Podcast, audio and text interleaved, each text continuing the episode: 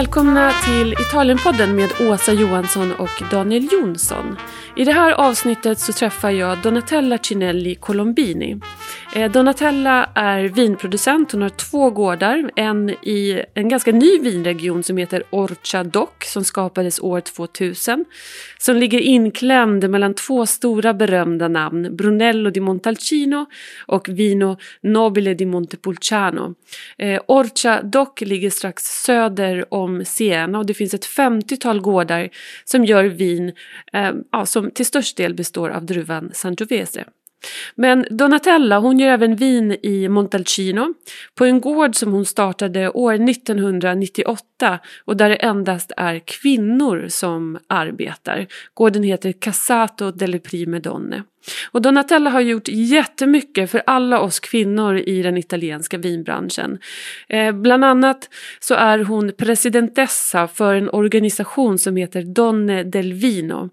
Eh, det är en organisation där kvinnor inom vinbranschen eh, nätverkar och imorgon så träffas olika organisationer från olika delar av världen på Malta och där man ska skriva på ett avtal för att även nätverka mer eh, internationellt. Så Donatella är en av de personer som gjort mest för oss kvinnor i den italienska vinbranschen som har gjort det möjligt för jättemånga unga kvinnor att ta sig fram i en fortfarande mansdominerad eh, värld. Så hör vad Donatella har att, eh, att säga i det här avsnittet. Vi hörs snart igen. Ciao ciao!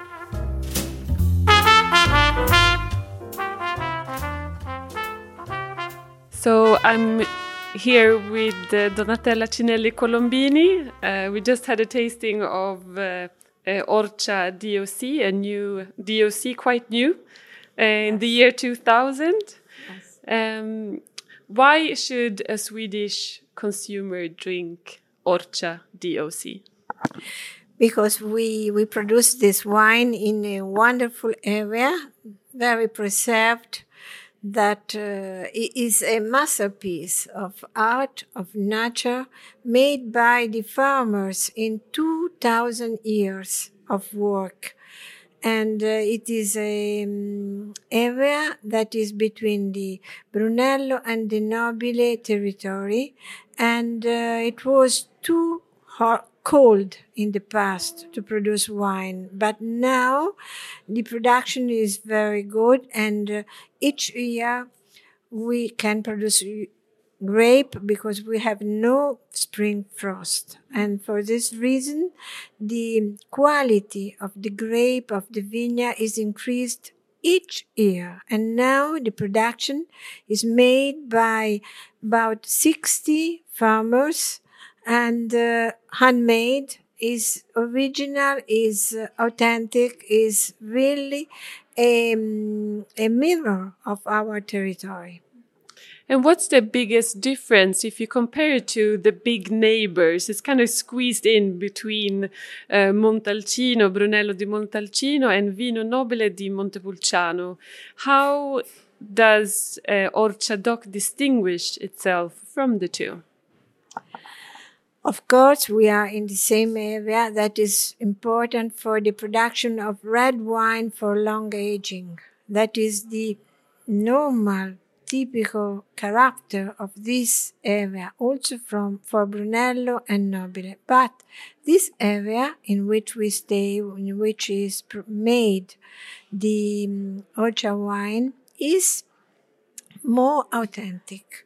The productions, the grape production is made by hand by families of uh, wine producers that put all their passion in the vineyard, in the cultivation, and also in the uh, grape and wine production. It is a artisan wine. But it's still Sangiovese, minimum 60% and up until 90%. But is it, could you say it's a little bit like going back in time as Montalcino or Montepulciano used to be, like some years ago, 30, 40 years ago? Or am I totally wrong? maybe yes, because in the past, also in Montalcino, there was less foreign investors and the production was made by local families and there was another spirit.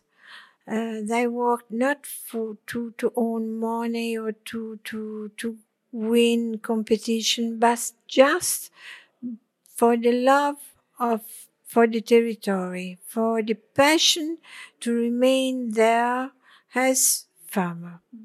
Because it's also interesting because you also make wine in Montalcino. Yeah.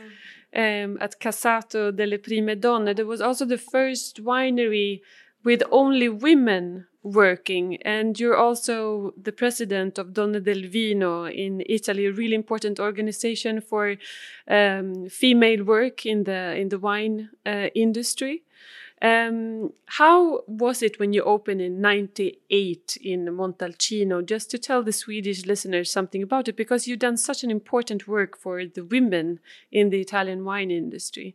Um, how was it when you opened in, in 98?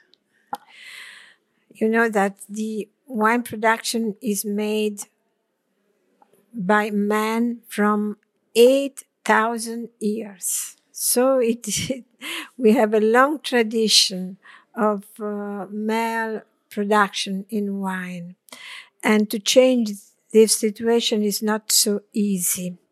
When I, my mother decided to lose the activity, to, to, to, to retire and and giving my the property, the the winery, the main winery of uh, of my family to my brother. I asked then to have uh, the opportunity uh, to follow my dream and to produce um, a great wine by myself.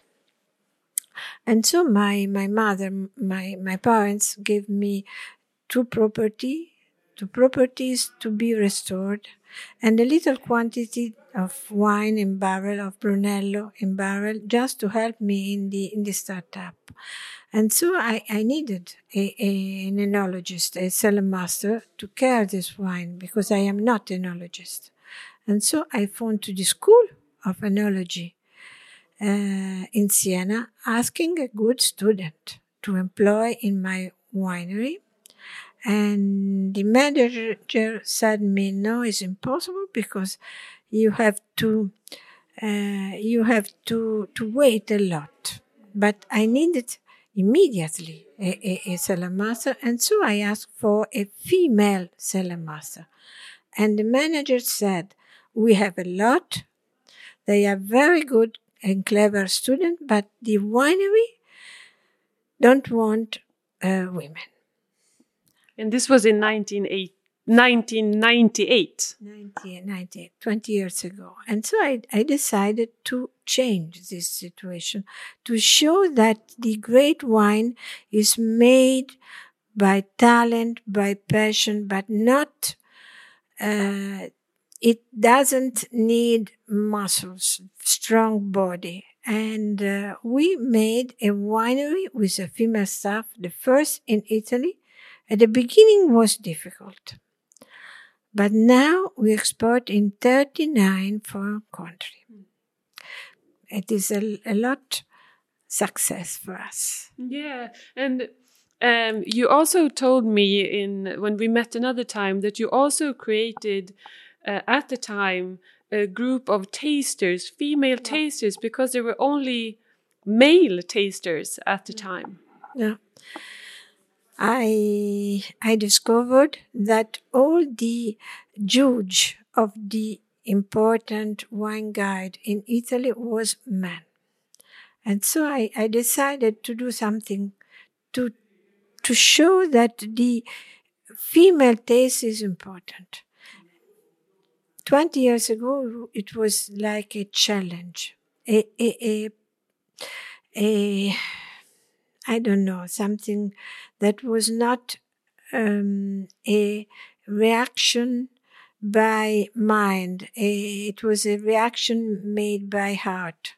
But uh, now the female wine tasters and the female um, consumer are increasing, and now the uh, female taste is very, very important, not only for my winery, but for all the winery in the world. Mm. Thank you so much, Donatella. Last, last question. Then we're gonna. You're you're the host today, so we're gonna have to go to the restaurant, and we have the uh, very hard work of eating a white truffle lunch today.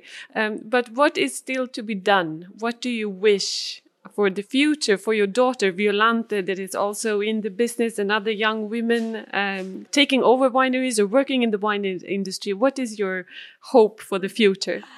Tomorrow we will sign the agreement between the Association of Women of Wine all over the world.